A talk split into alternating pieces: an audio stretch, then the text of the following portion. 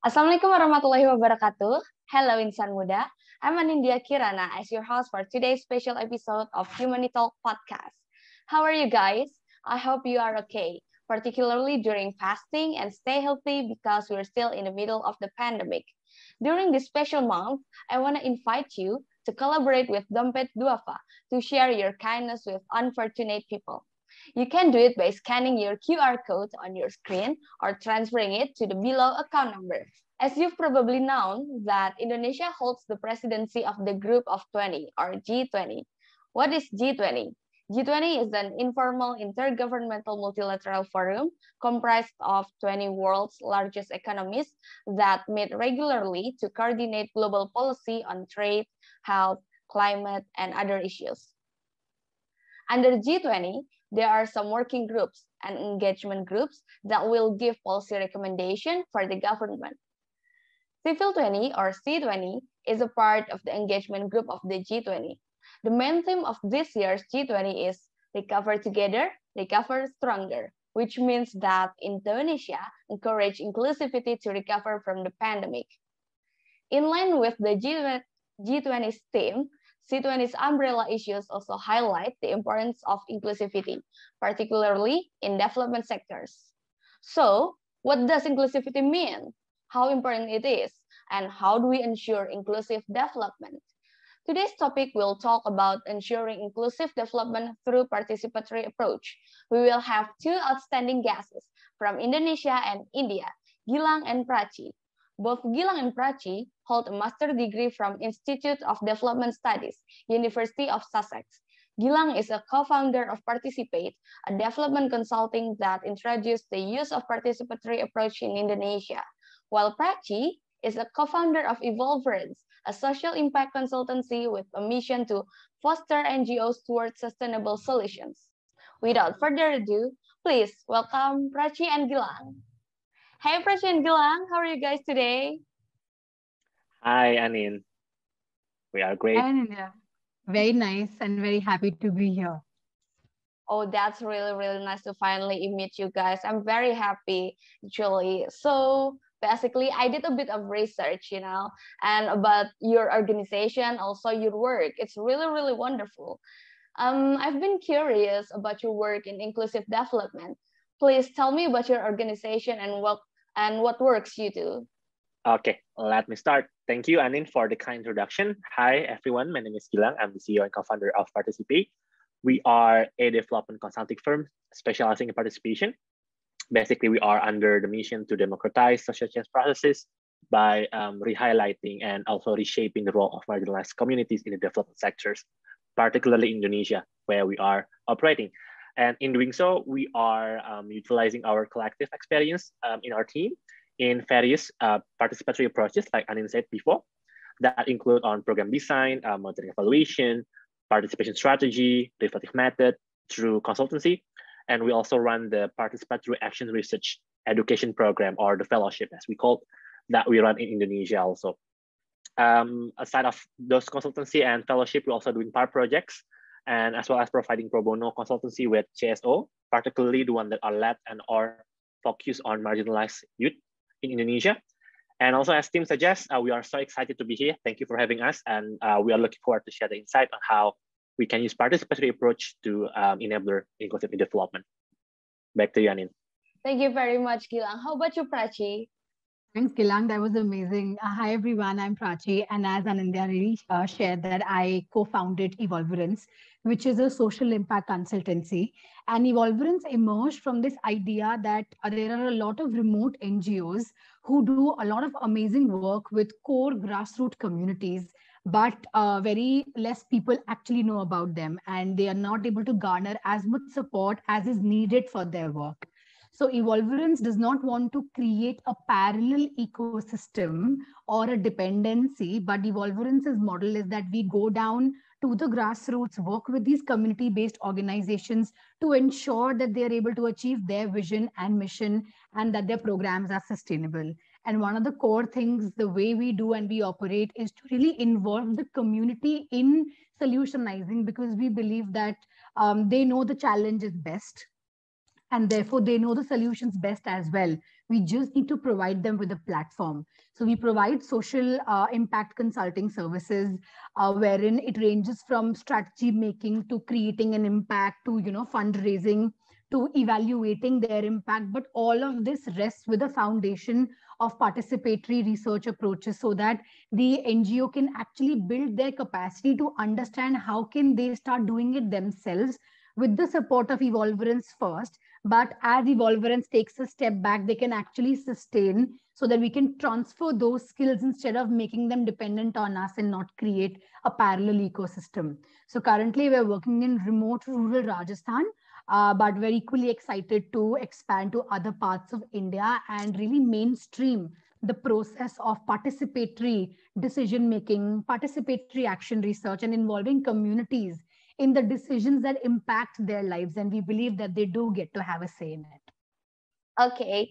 Oh, Wow, that's very, very inspiring. But today, when we talk about development, you guys, you know, inevitably that we're gonna talk about SDGs or Sustainable Development Goals as well, right? Um, we might say that SDGs is bridging between the goals of neoliberal capitalists and also social activists. Consequently, inclusive development gains more attention nowadays. How do you define inclusive development then? Thanks, Anindya, for the question. So at Evolverance, the thinking that we have about inclusive development is that uh, for us, it simply translates to leaving no one behind uh, because no one deserves to be left behind. Uh, and with, when we work in rural remote Rajasthan, we're typically working with semi-nomadic, nomadic tribes who, uh, you know, through through a lot of government interventions, they're they're uh, they're perceived as criminals in the society. Uh, they're one of the most vulnerable communities. Uh, we've also seen that a lot of NGOs actually get a lot of, um, you know, um, backlash when they work with many vulnerable communities because they're not in the majority. So they have very small, small pockets of communities. But we feel that, you know, um, to build a sustainable world, you have to have no boundaries and you have to break certain notions and you have to unlearn certain things and relearn certain things. And I think the pandemic is a good example of that. It has actually um, definitely caused us a lot of suffering, but it has also opened our eyes to the way development work needs to be done, the amount of inclusivity, the amount of you know authentic listening, uh, the amount of amplification of community voices that the world needs, and it has really uh, shown us the stark uh, inequality that exists uh, with you know a very small percentage of the world's rich having so much percentage of the entire world's wealth. Uh, and that that's definitely not, you know, inclusive. So at Evolverance, we believe that uh, to be able to achieve the SDGs, it's not the responsibility of just the governments or the responsibility of only philanthropists or you know uh, just like that. But it's the responsibility of every single person more so of these ngos in amplifying the voices of the communities because if it's not it's like we're better together. Yeah so if we are leaving no one behind is when we achieve this. And by leaving no one behind i mean across domains. It's environmentally it's economically uh, it's geographically uh, in every realm when we don't leave anyone behind when we are truly you know worried about being one global family more than do i have this or do i have that? That is when development is more inclusive and it's about 100 people taking one step and not just about one person taking 100 steps because it's you know the more the better. So uh, uh, at Evolverance, that's what we are trying to bring amplification to these community voices, going on the field, being more participatory in our approach, taking these voices to the global level, to the funders, to the other, uh, you know, dignitaries who have more power and influence and join and have them join the cause. Because that's when we become inclusive when the most ma- marginalized and vulnerable who are impacted by the decisions that we sometimes very conveniently make you know sitting very comfortably in our homes when you involve them uh, that get impacted by these decisions that's when we genuinely become inclusive and would love to hear participants uh, thought and perspective on inclusive development well, I think you sum it all. the explanation on this spot on, Prachi. But just to add, I think uh, in um, the way we see it as actually inclusive development is centered around the concept of inclusivity. That means allowing and accommodating people who have historically been excluded, whether it's because of gender, um, race, ability, sexuality, so that they can exercise agency and power for their life, right? And so inclusive development is centered around that concept. So that means acknowledging that the needs and the role of marginalized communities in the defining the direction and priorities of development. Because again, development is uh, the, one of the sectors that actually focus on marginalized communities. Um, but relevant to the G20 um, discourse, when it when we talk about economy and how we combine concept development and economy, but it's also the questions about how we can ensure that we not only have an economic growth, but also we have we ensuring that the benefit of having them can be a benefit of all, without exceptions. So that's the operationalization and how we see the, the embodiment of no one uh, leave no one behind and also inclusive development. In, in participate, um, practically we see that when we talk about inclusive development, we cannot um, discuss about, uh, uh, we should bring the, the, the, the, talk about participation on that discourse. That means um, not only acknowledging that marginalized communities exist, but we also ensure the meaningful participation in the development is uh, for them to be uh, ensured that, that this happen. So inclusive development, asking the question, who is on the table, whose voice being heard, especially when um, when we design development priorities and development intervention. So just so when we talk also about SDGs, it's not about leaving them behind, but also bringing them together and give them the space to actually take role on some of the processes that we have um, in defining the G20 priorities. Uh, sorry, SDGs priorities. Yeah, that's really true. Like one of the keys of inclusive development basically is like participation, right? So because being inclusive means like Gilang said also like we listen to all voices, no matter what are their background, also where they belong. So uh, how to ensure the implementation of participatory approach uh, in inclusive development? Um, I think to answer this question, there are there are two layers, right? The one maybe more on a philosophical level, and the second on more on the practical level, what, what we do in uh, participate. On more philosophical philosophical element, we need to understand that when we talk about inclusive development, we trying to democratize social change processes. So that means that we, the democratic, the social change is not only owned by the one who has resources, donor funding, and everything that categorizes resources, but also the one that that also experience the problem. So in that context, on the philosophical element of, of the inclusive development, we need to ensure that the design, implementation, and evaluation of any development interventions need to take into account a degree of participation of marginalized communities. That's for sure. And on more tangible, uh, on more operational aspect on how we actually operationalize the idea of development, in Participate, we walk the talk um, of it by uh, implementing participatory action research.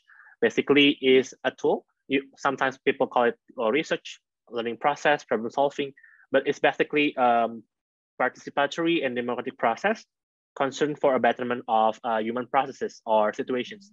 So we invite people who have a problem or experience the problem to co-design a solution together so they can um, come up with a solution that actually fit for them. Uh, in, in participate, we always ensure that PAR is an integrated part of our intervention. Um, just the last the last project that we have is actually on um, acknowledging or actually evaluating and then understanding the, the life experience of young funders during COVID, for instance. Um, why it matters? Because during COVID times, a lot of uh, the conversation about resources is more targeted social enterprise, but sometimes the grassroots communities or even grassroots communities that led by young people is so already under uh, resources. And sometimes we need to, to deep dive on what happened with them to understand their life experience. So we gathered around six young funders across Indonesia from the west to the east.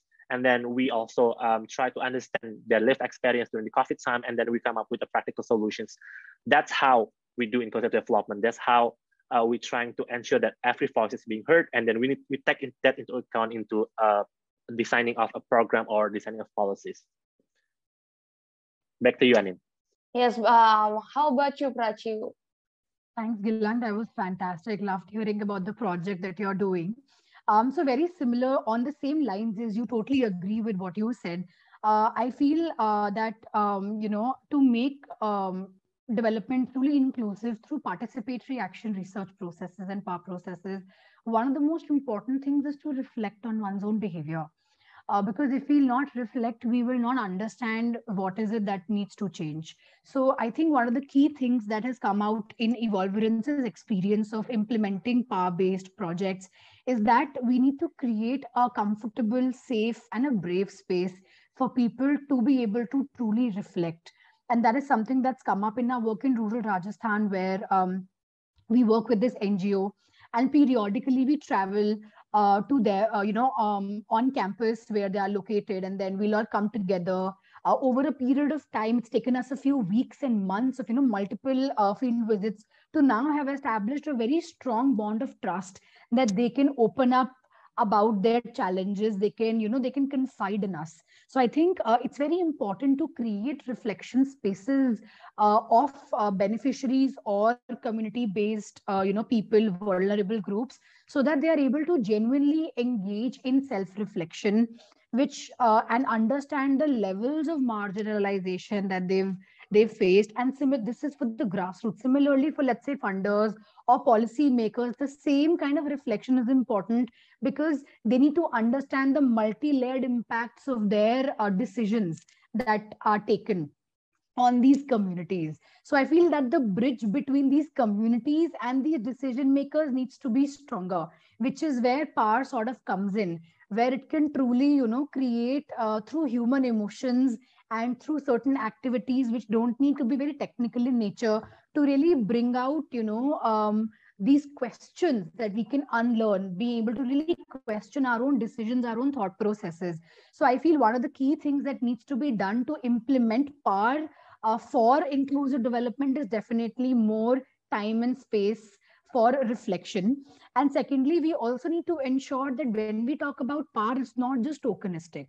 That you know for example we've designed the, the, the entire project and you know in the one last workshop we bring on the beneficiaries and we call that inclusive right? Something gilang also touched upon that it needs to be an end to end the entire journey from program design uh, to implementation to let's say feedback is everywhere you involve the beneficiaries so Evolverance has just completed a participatory action research process where we worked across 10 settlements of nomadic and semi-nomadic tribes. We designed the project um, collectively brainstormed with uh, the, the NGO partner that we worked with. We co-designed the project, then we went on the field, uh, we brought in the volunteers, we took their understanding, their opinions, we sort of refined some of our data gathering tools, we simplified some of them, we tried to, some of them couldn't read and write, so we did away with all the writing aspect of the tool. We only wanted them to tick mark on something or just draw something uh, that could be easier. And once all of that approach was, once all of that work was done, is when we finalized. Okay, this is what the project is seeking to achieve. And then we had multiple trainings. So as an evolverance, it would have been very easy for us to go down into the field and collect the information that we needed. But that would have not served the purpose. So instead, we went for a training the trainers model where we identified one community representative each. We trained them on why we are doing this, why is this important what are the tools and then they went and became mini facilitators in those 10 settlements and pockets so they went they had that conversation with their community members where they have more trust and they came back with relevant information and then again in terms of analysis also we sat down together to analyze now what this information means instead of evolverance doing it and going back to them with you know this is what it means so we involve them in the analysis process and um, so that it's not just tokenistic, but they genuinely feel involved, heard, belonged, and engaged. That's something that impacts their lives. And we've also been very honest in the way we've communicated to them. I think language also plays an important role. Also, there needs to be a lot of power transfer that when we do, because these community groups that we work with, they've been marginalized for so long that for them to actually get a chance to be heard sometimes they're not able to speak up sometimes you know they are they're not able to trust you enough to open up about their vulnerabilities so the language that we used throughout the project was that you know you are you know the problem you know the solution we are here to facilitate but at no point is this me creating and you listening it's us creating and us listening to each other So that sort of made uh, the project not very tokenistic. At least we tried our best to ensure it is not as uh, it is as inclusive as possible. And lastly, we are now taking an extra step to create. Um, we are planning to host a webinar because action research or PAR or you know inclusive development is useless if not actionable it can't only be on paper strategies and theories so we're actually bringing all these people who participated in the research together with some external people from the sector and having them present the work that they did so that they gain more confidence they're able to really share the changes which happen so yeah self reflection non tokenism and truly being actionable having some insights that come out of it because we've seen frameworks made we've seen theories uh, being put together but uh, still the the gaps and the you know we're far away from the sdgs so i think it needs to be equally actionable. So yeah um, that's what i wanted to share for this one. Over to you Anindya so uh, uh, what kind of challenge actually when you're doing the project uh, when you're implementing the participatory approach in inclusive development so far? Um, so sure. I think uh, from um, from my personal evolverance angle uh, let me talk about the challenges that one can face in PAR when it's done in a face-to-face in-person manner. And i'll um, request gilang to cover the virtual aspect of challenges that come when you conduct it on a virtual platform. So for uh, the challenges we faced when we went to the communities was first we were plain outsiders. They did not know who Evolverance is, what is this participatory thing. Uh, you know, sometimes it, the, the development world can have a lot of jargons. So the one big challenge is trust we have to build trust with the ngo partner we have to build trust with the community and i think at that level we also need to be patient because trust does not get built overnight. So it took us multiple calls, couple of field visits to go um, have the community members uh, sit with us, get to know us, understand that this is what we want to do together with them and not something that's, you know, not in their best interest. So one of the challenges comes is because a the approach is very new in india right now it's not one of the most popular approaches that gets you know used in the development world. So to mainstream that approach one needs to have more resources for that approach. Uh, one needs to make those resources more contextualized simplify them in the context that you're using. And the second is that you become uh, you build a channel of trust uh, long lasting long term trust with the community members your research participants the ngo partners or funding partners whoever is it that you're working with I think uh, the third problem uh, or challenge, I would say, I think it's it's power. It's a double-edged sword, not really a challenge. I think one can really twist it to work in your favor. Also, is to understand the amount of power you hold when you do when you go and deliver that kind of a project. Yeah, it is very sometimes very easy for the facilitator to to guide and direct the entire flow of communication by way of you being a moderator or a facilitator so it needs to have some, you know, unlearning, some losing the control and really trusting the process.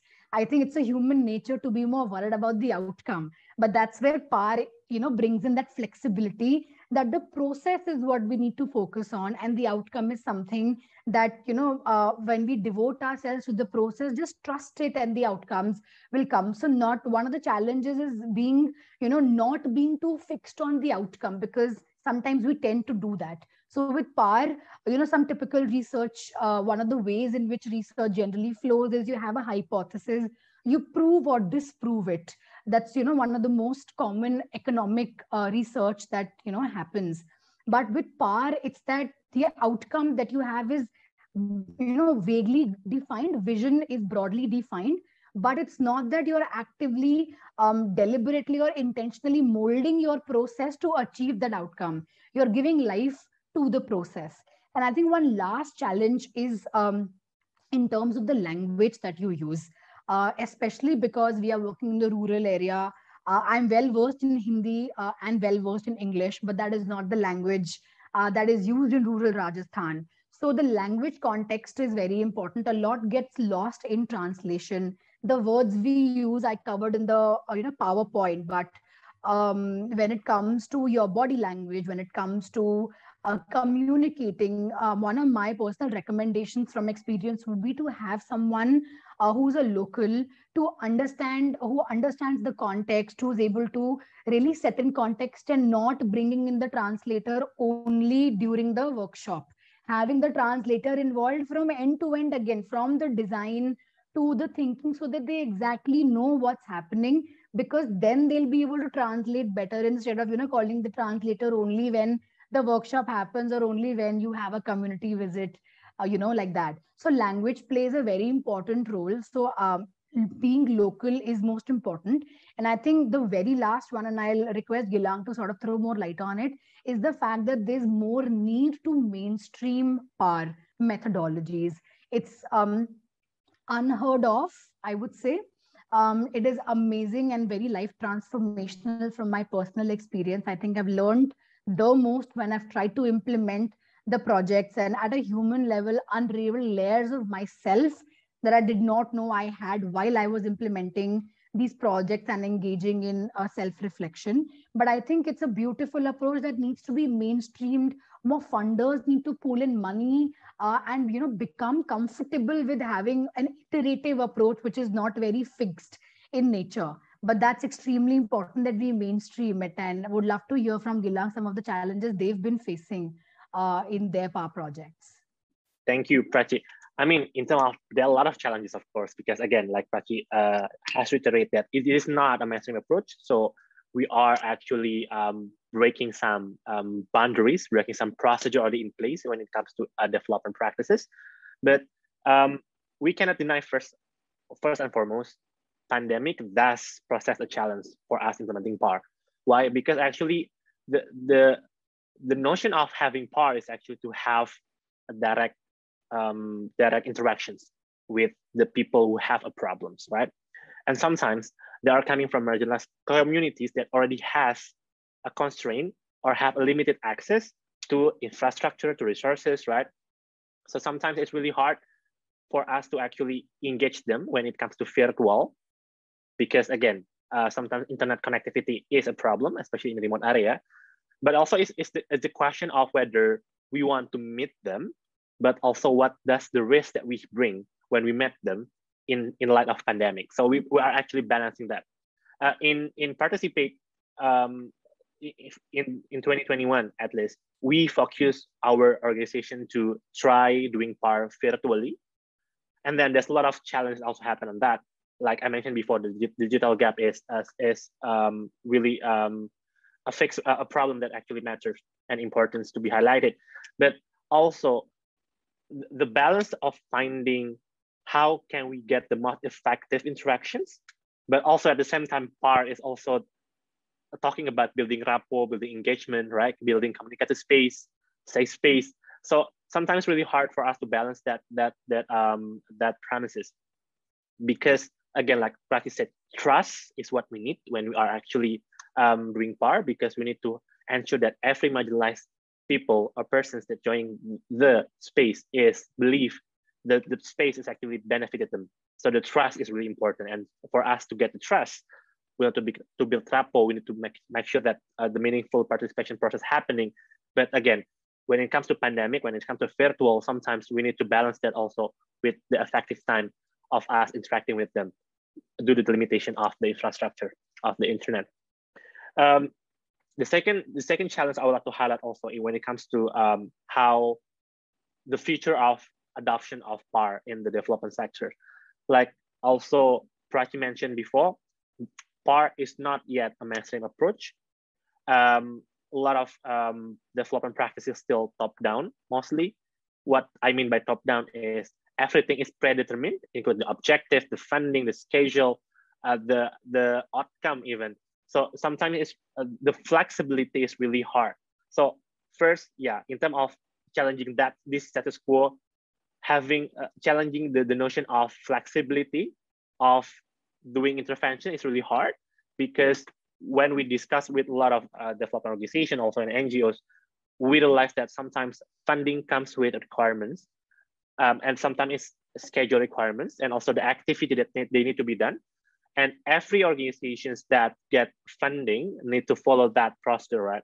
When the funder is not yet having the mindset of being flexible, being participatory, when it comes to the scheduling, to program design, it's really hard to match this expectation because sometimes when we're doing PAR, we, we may have coming with a predetermined A as a problem, but sometimes when we unpack more of problem, maybe B is the problem or C is the problem.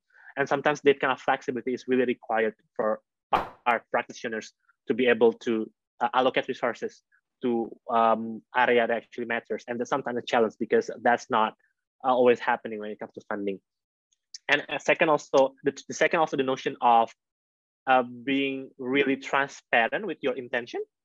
Um, PAR is questioning who you are in the process. Like Prachi mentioned before, the outsider, insider, right? And we're also acknowledging that sometimes we bring value, we bring biases, we have we do have privileges that may affect the way we design the interventions. And the fact that PAR also asking us to design problem together with the one that has problem. So all the power relations, who we are, and then how it affects the relations between us and the, the marginalized communities. That's really hard because sometimes people don't really understand that they do have privileges, especially when we uh, when we design problems or we design projects, and that need to be something that sometimes we try to highlight it to a lot of the development agencies that that the reflectivity reflections matter when doing PAR. And the third is the notion of expert. This, this is what we also experience in participate actually quite challenging to be tackled also because we are getting used to the idea that the expert is the one who has higher education, maybe have more than like 15, 20 years of experience. Um, but sometimes it's not always the case. When we talk about PAR, when we talk about participatory action research, it means that we talk about the lived experience of the one that has the problems. And then we assume them, we assume that we we um, we believe that the one that has the problem is the one who are actually expert of the problem. So the expert definition is also the one that uh, the one expert the expert the problem is the expert. Sometimes really hard because that means we um, trying to open a space for those people to be in the state of quote unquote expert that sometimes people um not really comfortable with. It's not, I mean, I'm not trying to generalizing it, but sometimes that still happens. So, so PAR is trying to make sure that when we when we, we say about expert, when we say about data, is not always coming from those people, and that will be hard because um, that means questioning how we validate the data, because currently development uh, sector has already a certain set of indicators and ways of um, valid validation of data and also how we verify the impact. Sometimes we always need external evaluators, right? The one with every expert on that sector to evaluate the effectiveness of the program. And then maybe that will be really big contrast with participatory MONEF, for instance, where we ask the one that has the problems to evaluate an intervention that are um, delivered to them. So those are still a lot of um, work in progress but participants see that there are also a growing, um, growing um, aspirations for the development sector to adopt the participatory in more meaningful way, meaningful way, and we are really um, looking forward to to have more in conversation and then advocating this to be happen as soon as, as we can. Back to you, Anin. Okay, um, as you have already mentioned, both in Indonesia and also in India, the use of PAR is not mainstream enough, right? And then uh, this year's G20's presidency uh, brings the theme of uh, recover together, recover stronger, which means that it's uh, Indonesia try to bring inclusive development to the G20. Uh, so what do you wish for the G20 uh, meeting this year related to inclusive development and also the implementation of uh, participatory approach? um, for for participate at least what we're trying always to advocate we need to ensure that inclusivity is a, a priority in every government process government processes right uh, but also not um, also define what does this actually mean for individual country that are involved in G20 and also as a collective group when we talk about inclusivity what does it means but also the ask from us is not is we should also we should also talk about inclusivity beyond G20. This should not be a topic that I'll discuss once a year. It should be a topic that we discuss year long, right? And uh, also, again, back to the idea how we operationalize it. So it's, we not we should not leaving um, inclusivity as a jargon, but we should make it more practical. That include open more space for marginalized community to be involved in the process, whether it's all G20 processes or after all the leaders come back to the country, please open more space as possible so that marginalized community can be involved in every government aspect that also related to their life. And I would like to hear more also what Prachi has to say about this. Very much on the same page as you, Gilang. Uh, it's my hope and wish, uh, you know, as Evolverance as well, that this is not a one-time conversation, that this is a continuous conversation that we revisit time and again so that we are able to really unpack what inclusivity means because inclusivity can also be very contextual for different countries and in different parts of the world for you know they, it may require very customized approach of par to be implemented very specific targeted decisions that need to be made. So definitely i would also urge and it's my hope as well that this is not just a one time conversation you know something that we keep on doing very regularly till the time it is what we make mainstream right? And would be very very uh, happy to um, you know uh, uh, also um, uh, observe that this also opens up a space for authentic listening where the ideas discussed are able to take a life of their own once the uh, you know the g20 is closed for the year at least. So again linking it back to having life. So when we uh, personally you know uh, with evolverance we really focus on authentic listening and listening to the voices of young people marginalized communities vulnerable communities.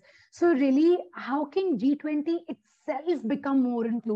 Can g20 have a platform where the marginalized groups can come and represent their voices? How can that platform itself be used? You know not just in talking about inclusivity but bringing marginalized groups vulnerable people giving them the platform of g20 and be inclusive both in thought and action. Yeah so that is something that would be uh, one of evolverance's hopes to really year on year find newer ways and newer means to be more inclusive create spaces like Gilang was saying to bring representation from those communities eh, at the G20 itself and make them a part of the conversations is when we are truly inclusive. At the same time, like Gilang mentioned, unpack the term inclusivity and what it really means and talk about operationalizing it, talk about the challenges, talk about the messy things, because the messy things where things get stuck. And it's important for us to really uh, unpack those challenges so that we can actually solve for them and work towards a more inclusive world where we are uh, not years behind in our effort for SDGs, but really trailblazing and taking the lead in transforming the world one step at a time. So that's all I wanted to share. Thank you. Well, that's really, really great to hear from, uh, you know, like from Gilang, also from Prachi for, for your work both in India and also uh, in Indonesia. And that's all for today's podcast. I'm so glad that we have you guys today to get more understanding about your work in inclusive development and have different perspective in terms of the implementation of participatory approach in India and Indonesia. Thank you very much for today, uh, Gilang and Prachi. And thank you for Insan Muda to uh, for listening to this special episode of Humanity Talk podcast. Don't forget to share your kindness during Ramadan by scanning your QR code on your screen or transferring uh, to the below account number. Wish you a good luck for both of you uh, for your work and also good day for you guys. Okay, bye. See you again. Thank you, Anin. Thank you for having us. Uh, thank you. It was a pleasure to be here.